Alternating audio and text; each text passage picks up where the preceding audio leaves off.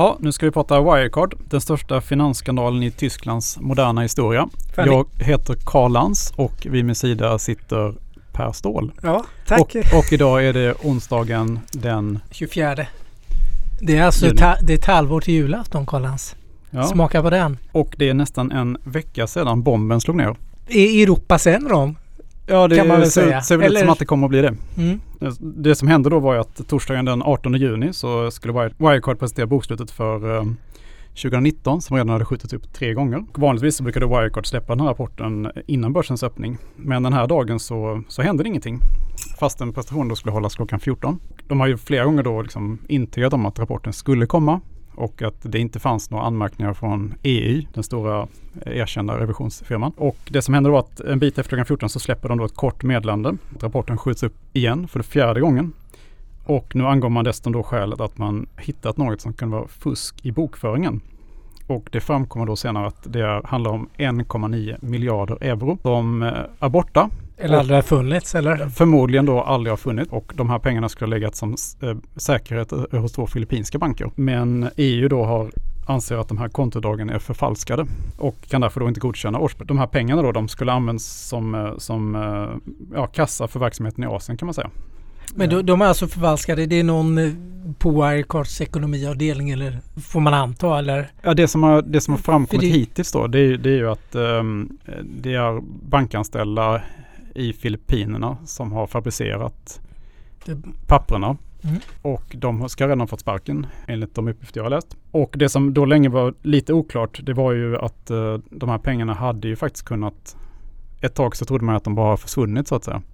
Eller Wirecard själva anser ju då att de har blivit, själva blivit utsatta för ett brott. Och då har ju den här eh, legendariska vid- videon som eh, spelas in eh, natten till fredagen då där, där vd, före detta vd Marcus Brown och ehm, hela företagsledningen står i, klädd i svart och eh, ska, ska förklara då att det förmodligen handlar om ett brott. Det, om man ser på de här människorna som står där att det förmodligen är den värsta dagen i deras liv. Mm. Eh, Så det är som hämtat från en skräckfilm kan man säga. I alla fall det som händer här då när, när Wirecard presenterar den här um, nyheten i 11. Det är att aktiekursen faller med runt 70 procent. Och det är ju då det största, det näst största fallet under en dag i ett tyskt dagsbolags historia. Bara näst största. Ja. Jag, hade ju, Ja. hade du sagt det största? Ja, det, är inte det, varit det är det så. största om du räknar på, på tre dagar. Eh, då är det ju 85 procent. Men eh, räknat på, på en dag så är det faktiskt, kan du gissa vilket bolag som, det är under finanskrisen? Nej, jag ska inte göra det. Det är eh, Hypo Real Estate som, Ja, det- som var ett eh, bostadsutlåningsföretag. Det Såklart. var också Münchenbaserat. Ja, du ser. Mm. Mün- München har mycket bra. Eller det, det, de har mycket av allt får vi säga. Precis. Ja, och det som händer sen då i, eh, på fredagsmorgonen det är att eh, Marcus Brown avgår. Alltså han som har då i princip byggt upp bolaget och varit vd i 18 år. Grundare, huvudägare, VD. Listan är lång va? Precis. Lite kontroversiell. Eller Ja, bitvis, eller? Ja, Ah. han, han har väl varit eh, en visionär kan man säga. Mm. Kanske inte så noga då med, med, med eh, compliance och sånt här. Mm. Men eh, ändå liksom en, har sett möjligheterna på rätt ställen och så kan man säga. En snabbväxare. Liksom, de har ju skött ett snabbväxande företag och Ja, det är någonting som då har kanske saknats i Tyskland Mm. som man hade, verkligen har velat ha i landet. Ett, ett fintechbolag eller techbolag överhuvudtaget. Tyskar är ju kända för tillverkningsindustri och så. Och Ja, men man har ju SAP faktiskt. De Man har- det är- det är det ju- undantaget också. Ja, kanske undantaget som bekräftar regeln men det är ju det, det får vi ta en annan podd. Eh, I alla fall han avgår.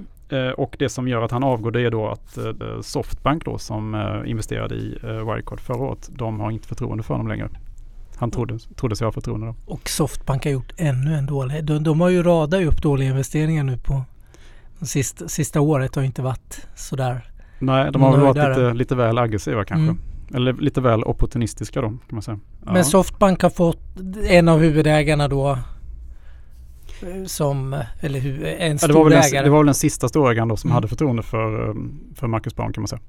Eh, och det som händer då här är att eh, den som blir vd istället är James Fries som är en amerikan som kommer från Deutsche Börse. Och han har varit compliance-ansvarig där och gjort ett jättebra jobb. Och han har dessutom eh, och innan Deutsche Börse så var han ansvarig på, ja, jobbade han på amerikanska ekobrottsmyndigheten med penningtvätt. Mm. Så att han har ju rätt bakgrund kan man säga för att röja upp i den här härvan. Och hans eh, första beslut blir då att kalla in Julian Luki som är världens mest kända bank när det gäller företagsrekonstruktioner. Och, och, det, och det är liksom, de har ju de här, de tog hand om, jag tror det var under de senaste, sen år 2000 har de tagit hand om de 15 av de, 12 av de 15 största konkurserna i världen. Nu, sedan år prat, 2000. nu pratar vi stora, nu pratar vi Det var Lehman Brothers. Lehman Brothers och Enron. Enron ja. Eh, så att det är ju verkligen då, eh, de kan det här liksom. Men hur känner du? Jag känner, vi har ju diskuterat Wirecard mycket. Dels våra poddar, dels mycket på arbetsplatser. Ja, Eh, Vi har pratat mycket Financial Times ja. som bitvis har skrivit väldigt mycket kring Mm. Wirecard. Mm. Och på något sätt som det ser ut nu kanske Ja, de har ju haft någon form av insiderinformation eller visselblåsare eller hur man nu ska se det uppenbarligen då. Det intressanta är att det Financial Times har skrivit om Wirecard, den kritiken de har riktat mot det då, eh, att de har med dubbelbokföring och så vidare, och om, eh, att de blåst upp omsättningen på det sättet, det har ju fortfarande inte bekräftats på något sätt. Utan det här som, eh, som framkommer nu, det är ju i princip ingen som har skrivit om det. Så att, och det kan man ju då dra slutsatsen att det här kommer att vara ännu mycket värre än Är vad det vi tror. toppen på isberget vi har Det här är sett nu? förmodligen då toppen på ett isberg. Men, men jag känner ju också, det har ju varit mycket diskussioner. Det har varit Financial Times på ena sidan. Sen har det varit eh, färgstark VD på andra sidan som har och sen har vi haft Blankan också på som har varit med mycket på Fin- Financial Times sidan får man väl säga. De har Den har, varit väldigt blankad aktie. Den har varit väldigt blankad. Eh, många har tjänat pengar på det. Ja, och bankerna tjänat pengar på det. Ja men det är lite så här, det, det är liksom, nu har de tjänat väldigt mycket pengar på det. Mm. Men det har ju varit en väldigt tuff resa för Blankan också kan man säga. För att Wirecard har ju varit ett sånt bolag som har försvarat sig väldigt framgångsrikt. Det är så att jag har till och med läst, att, alltså vissa Blanka har liksom inte vågat gå över den här tröskeln på 0,5 procent. För att de har varit rädda för repressalier från Wirecard och Wirecards eh, intressenter. Ja, och det där är lite intressant när du säger intressenter. För jag känner lite då tyska finansinspektionen. Ja, Bafin. Baffin, precis. De är ute lite i blåsväder nu. Nu har ju Financial Times satt, eh, skrivit ett antal artiklar om dem nu då. Hur Mm. de agerat i det här. För de har infört blankningsförbud och eh, lyssnat mycket på Wirecard får man väl säga.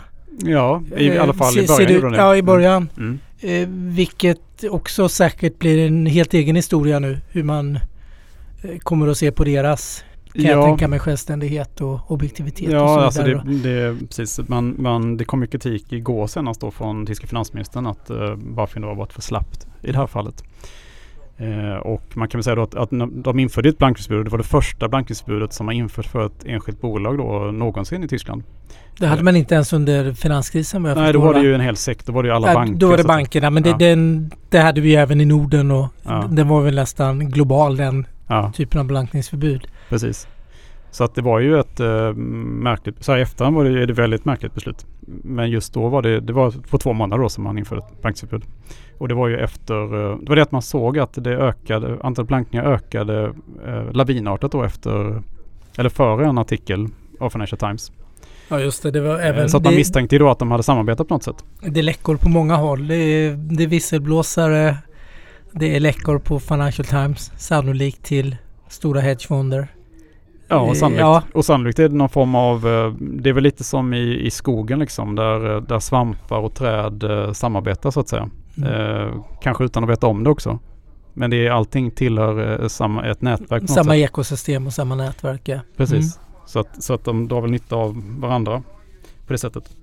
Men, men eh, om vi ska eh, gå tillbaka lite till, till läget med Wirecard nu då. Ja just det, de här pengarna. Det är ju mycket, vad sa du, 1,9 miljarder? 1,- vi vet att eh, då, och, och Wirecard har bekräftat att de här 1,9 miljarderna finns förmodligen inte och Mm. de, de har aldrig existerat förmodligen. Och då handlar det ju om ett, ett enormt stort bedrägeri. Och då är frågan vem som är ansvarig för det. Och vad är då, vad är då läget för Wirecards läge just nu? Alltså det, det mest akuta läget för Wirecard det är ju att, eh, att Wirecard eh, hotas av akut eh, likviditetsbrist för att de då inte har släppt eh, årsrapporten för 2019. Och det innebär att eh, ett konsortium av 15 banker kan säga upp kreditlinan på 1,85 miljarder euro. Och de håller på att förhandla just nu om det här. Vad händer om de försvinner? Det låter ju som det är enormt mycket pengar och det saknas. Det, Alltså om kreditlinan på Mm. 1,85 miljarder försvinner så har ju då Wirecard ak- akut likviditetsbrist. då Och kan man inte driva sin verksamhet på det är- sättet man vill. Nej, då är ju sannolikheten för konkurs eh, alltså nästan hundraprocentig. Och frågan är då hur, hur oddsen är för att eh, vi kommer få det här. Och det är väl ganska öppet fortfarande kan man säga. Det kom någon rapport igår om att Bank of China inte ville fortsätta finansiera dem. Samtidigt är det så att bankerna vill ju ha tillbaka sina pengar. Mm. Så att eh, det som Frankfurt Allgemeine Zeitung till exempel har ju insiders som säger att, uh, att de ska ändå försöka rädda det i alla fall på kort sikt och, och utbyte då mot att de får full inblick i bolaget så att säga. Att de får en, en kraftig över och samtidigt då håller ju, håller också kunderna på att lämna Wirecard.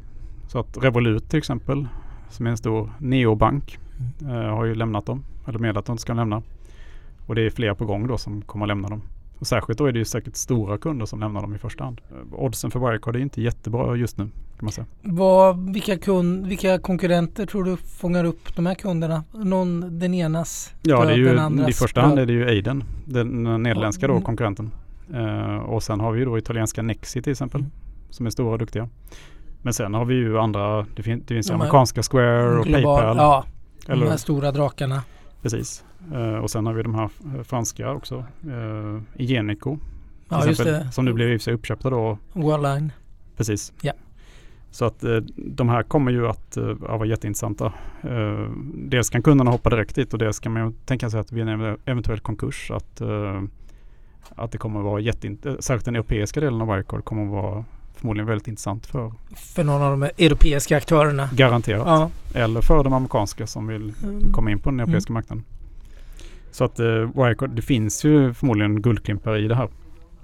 Har du läst något värde? Finns det något uppskattat om man ändå då den europeiska delen eh, skulle kunna attrahera eh, lokala europeiska spelare, även de stora amerikanska. Finns det något värde där? Tror du eller vad, vad pratar man om på marknaden nu? För nu, nu har väl kursen har gått ner i flera steg. Ja, kursen är ju precis, är ju, nu värderas det till kanske runt 2 miljarder euro då. Eh, och det har ju värderats till runt 20 miljarder. Mm.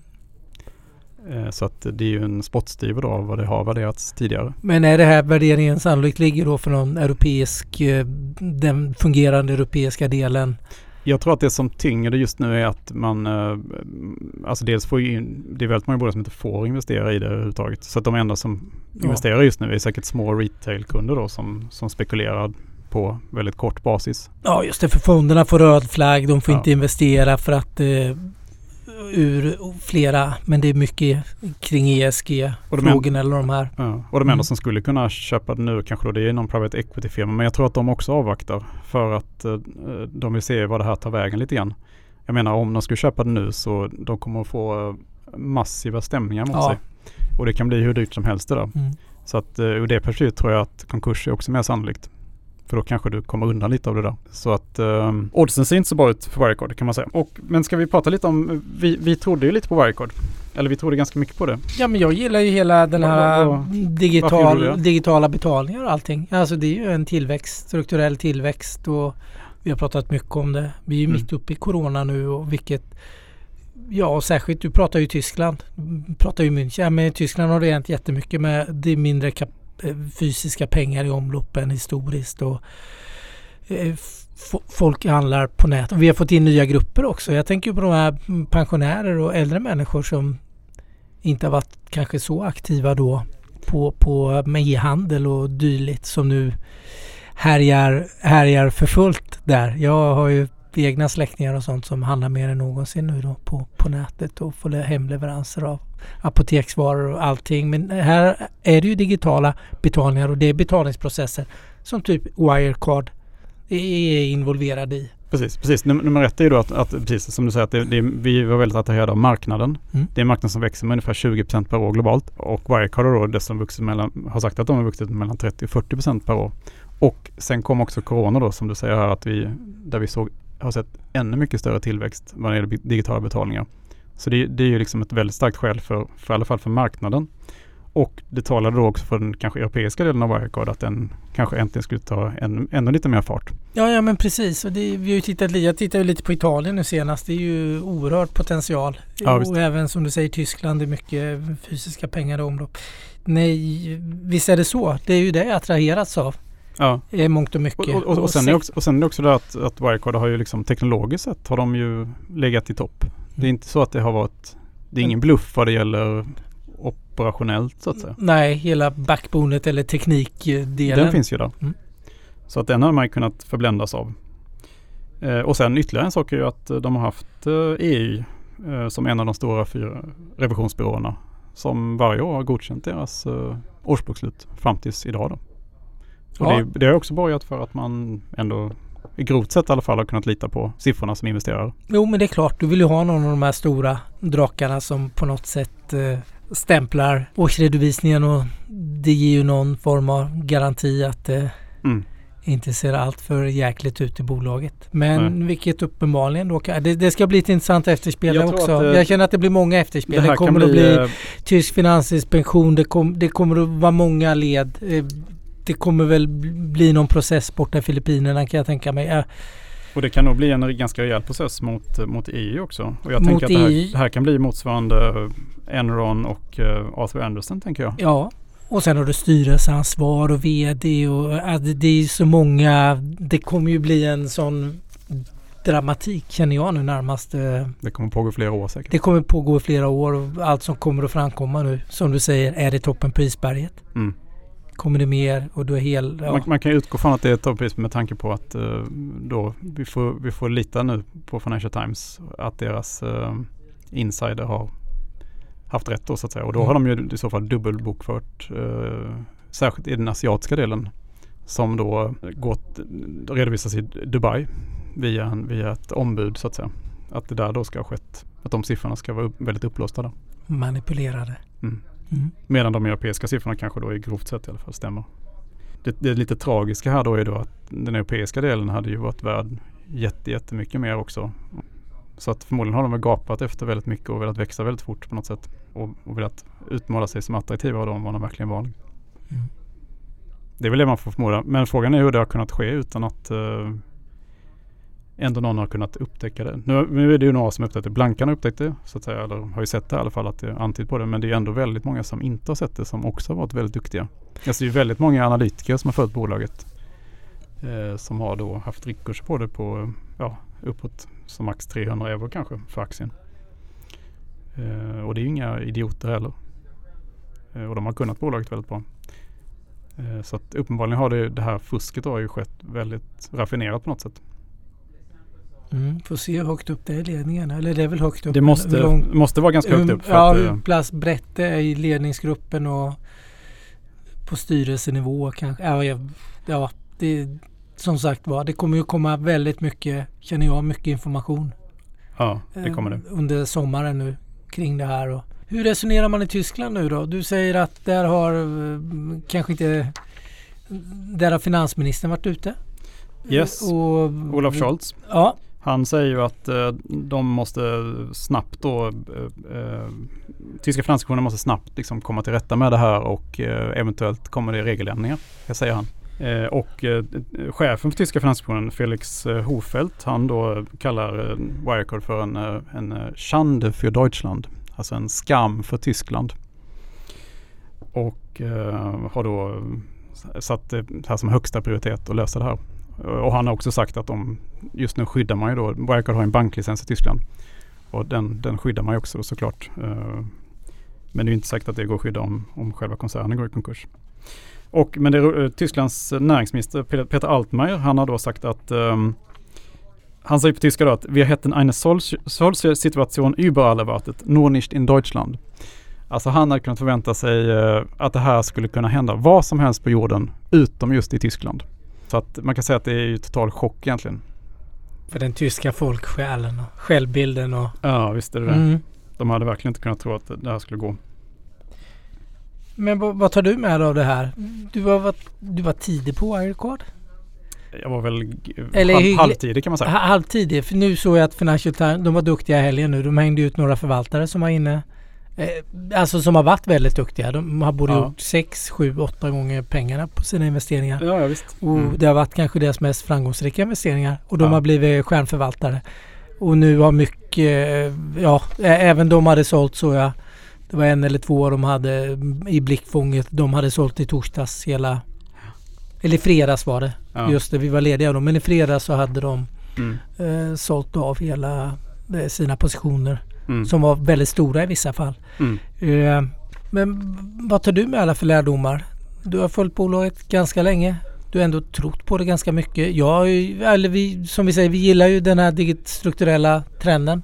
Den alltså, är tydlig och stark. Ja men jag var väl lite bländad då dels av eh, så att säga, marknaden och sen tillväxten och eh, trodde att de här eh, felen så att säga, compliance-bristerna som fanns att det ändå var på en nivå så att det skulle gå att lösa lite grann i efterhand. Så att jag lite, det, lite växtverk, man har växt för fort ja, och inte prioriterat de områdena. Och då, det första som Financial Times då, då, skrev om det var ju Singapore-verksamheten. Det var ju i eh, början av 2019 var det.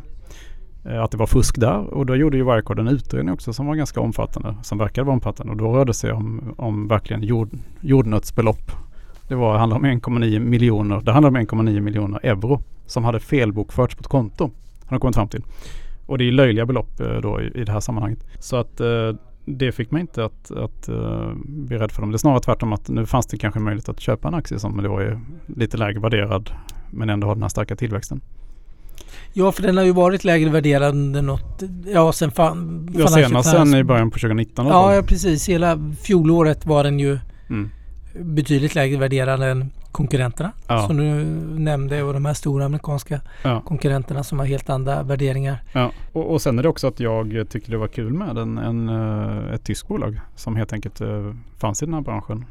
Och sen de andra argumenten vi har sagt att där teknologiskt har de ju varit duktiga och de har haft bra kunder och de har, där har man inte kunnat misstänka något. Så att kunderna har varit nöjda.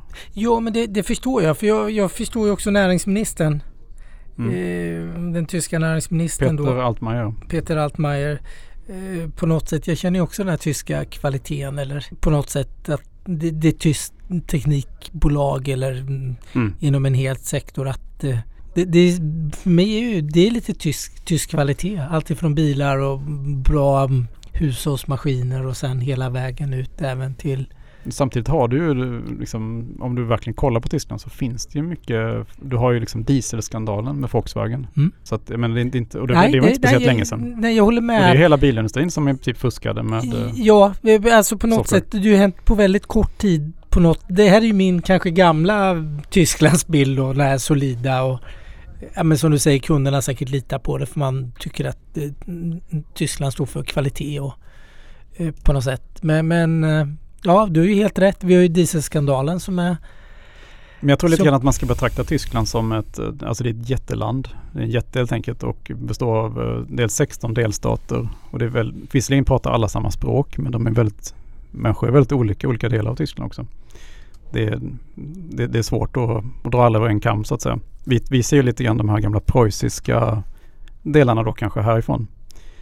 Men, men eh, alla, alla tillhör inte gamla, gamla Preussen så att säga. Eller i alla fall inte de idealen då att man ska vara eh, väldigt lutheransk och, och sköta sig väldigt väl och sådär.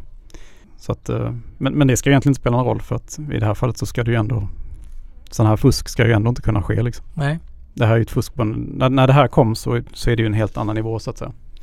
Ja. Det här är ju inget, det här är ingen compliance-brist. Det här är ju ett stort bedrägeri. Liksom. Förändrar det din bild lite på Tyskland? Jag vet ju mycket där. Och, men jag tänker du bara addera på dieselskandalen och där. Det är ju två, alltså kanske de största skandalerna som alltså har varit de man pratar ju väldigt mycket om det i, i, Tyskland att det här förändrar bilden av oss och, och desto mer är det väldigt synd för Tyskland, för aktieägare till Tyskland. För det är redan på en sån låg nivå så att det är löjligt. Och Tyskland skulle behöva äga mycket mer aktier. Jag menar, jag tror det är 6% av Tyskland som äger aktier idag. Och det förbättras ju inte av det här liksom.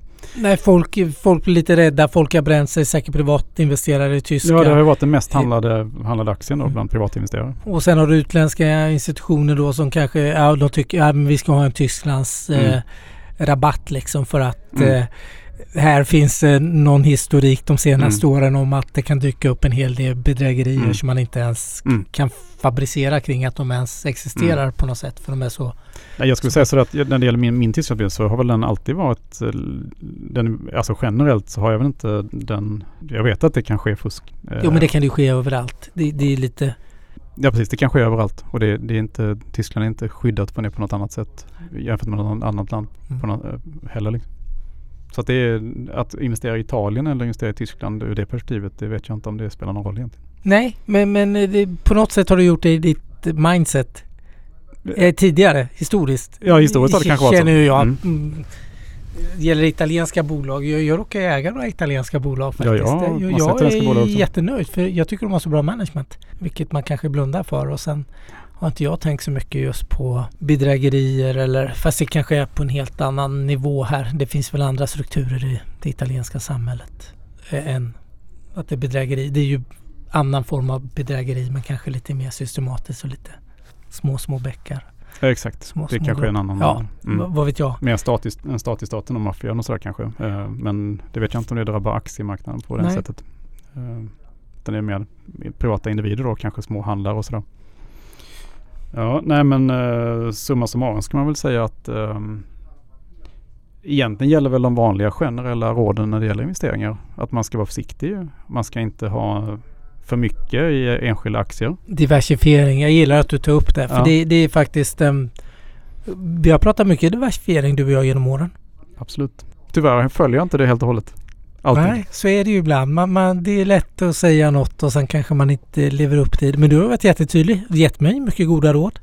Mm. Inget innehav beväga mer än 10 procent. Och, Nej, precis. Det, Det har du och kanske jätte- till och med 5 procent. ja, jag vet att vi har Mm. pratat om det här. För Mm. jag, jag, jag framstod ju som lite mer risktagare nu helt plötsligt. I, i, eh, på något sätt som jag har innehav som väger upp på 10 procent. Mm. Eller- Fast då är det kanske mer, du kanske äger då Microsoft och sånt där. Ja, Eh, som är väldigt... eh, Oncopeptides är, är ju inte Microsoft direkt. Nej, det är inte men, Microsoft. nej, men det stora eller Amazon. Men, men eh, vi har pratat mycket om det. det har vi gjort. Eh, vi har båda gått på en liten snyting nu. Ja, Eh, för min del är det ganska rejäl faktiskt. Ja, min Mm. del är den, den är... Jag menar, det jag, kunde ha vägt? Men 3-4 procent är ju... Mm. Jag är drygt 10 procent i alla fall. Ja, jag kanske hade 3 men det, det kostar ju det också det, Ja, det är dyrt. När det bara faller som en sten liksom. Och med tanke på att det var så bra affär för mig tidigare. Just det, du var väldigt nöjd tidigare. Eh, Jag Mm. var ju jättenöjd där för två månader sedan. Uppenbarligen. Mm. Och därifrån har ju fallet varit gigantiskt. Det var från 140 ner till... Jag sålde, 15. jag sålde på 38 och 39. Ja, Jag, jag ganska, fick inte 40 var i alla ganska fall. bra då. Ja men det, det var avslut. Direkt efter var de ju på 41 tror jag. Sen sjönk Mm. de väl lite till. Men det, Mm. så är det. Vi har aldrig varit bra med timing. Men eh, Nej. Det är omöjligt med timing i sådana lägen också. mm. har du något ägande kvar? För jag har inget ägande kvar. Jag har bara, nu är det borta. Det är borta sedan i torsdags och Alltså jag hade ju en viss förhoppning då om att eh, de ändå skulle komma någonting mer ur det här. Så att jag höll- behöll ju aktien lite längre. Så Jag- att, eh, eh, jag sålde ju större delen på nu, alltså på 15 då så att säga. Det fanns ändå en förhoppning om att det, det kunde vända något på något sätt. Det är måndags eller fredags. Ja, I måndags då. Ja just det, måndags. Eh, jag har behållit eh, lite, lite grann har jag gjort. Eh, för att bara som, mer, som kuriosa kan man säga. Men kommer inte det någon smärta när du ser när det är på en? Så, det, det är Nej, därför men det är jag det tycker att det är är- skönt att få ut grejerna. Nej, men det är också en bra, kan man bra lärdom. Jo, du, du är lite där Luther Det, man, ska, Det ska svida lite. man ska behålla för att Ja, ha det i åtanke. Liksom. när, när något går väldigt bra i portföljen så ska du kunna gå in. Sen har du Wirecard, just det. Mm. Nu får jag ta det lite lugnt och inte få hybris. Det är ju alltid det felet man gör när det har gått väldigt bra. Att man tar för stora risker säkert. Eller det är ju väldigt ofta det att man gör felet. Nej men då blir det säkert en bra. Jag kanske skulle haft en liten, liten skvätt kvar nu när jag ser att det kanske är en bra, den påminner om andra Mm. tider på något sätt. När, Mm. Att det är att vad som alltid kan hända. Liksom. mm. Så att det, det här kan ju alltid hända i Även i, i, i, där det ser som bäst ut. Nu kan man ju säga då att det kanske inte såg som bäst ut i Wirecard. Men vi har ju förklarat lite grann vad som gjorde att vi ändå, varför vi ändå trodde på det. Vad tror du investerarna som är inne nu då? För det, nu var den ju upp väldigt mycket igår i tisdags. Eller Ja. väldigt mycket men det var ju ändå, Ja men man har ju kunnat handla den på bot- 10 euro och sen har den varit uppe i 20 så att eh, man har ju kunnat göra 100% på, på två dagar. Eh, men det där handlar ju bara om det är ju eh, människor då som, som dagshandlar aktien.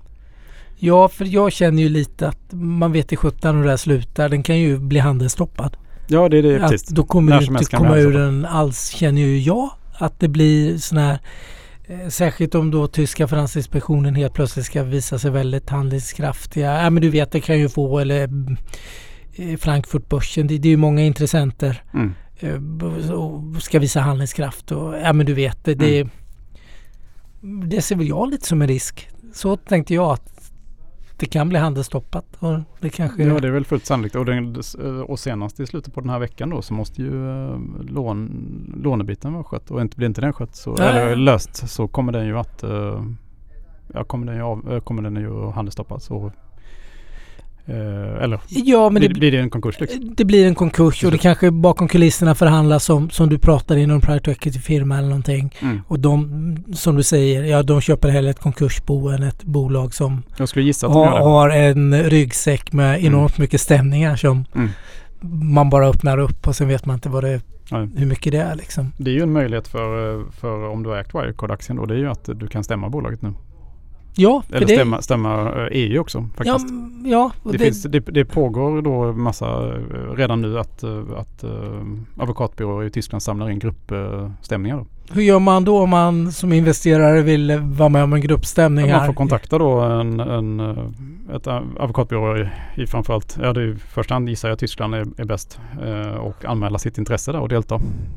Eh, och det finns flera stycken om man söker på det. Så att eh, då kan man ju se om man kan försöka få tillbaka någonting av det man har förlorat. Ska du göra det nu? Karl Hans? Jag kommer att, att försöka göra det faktiskt. Du ska, spännande. Det här det kommer ju bli en följetong känner jag Absolut. under 2020.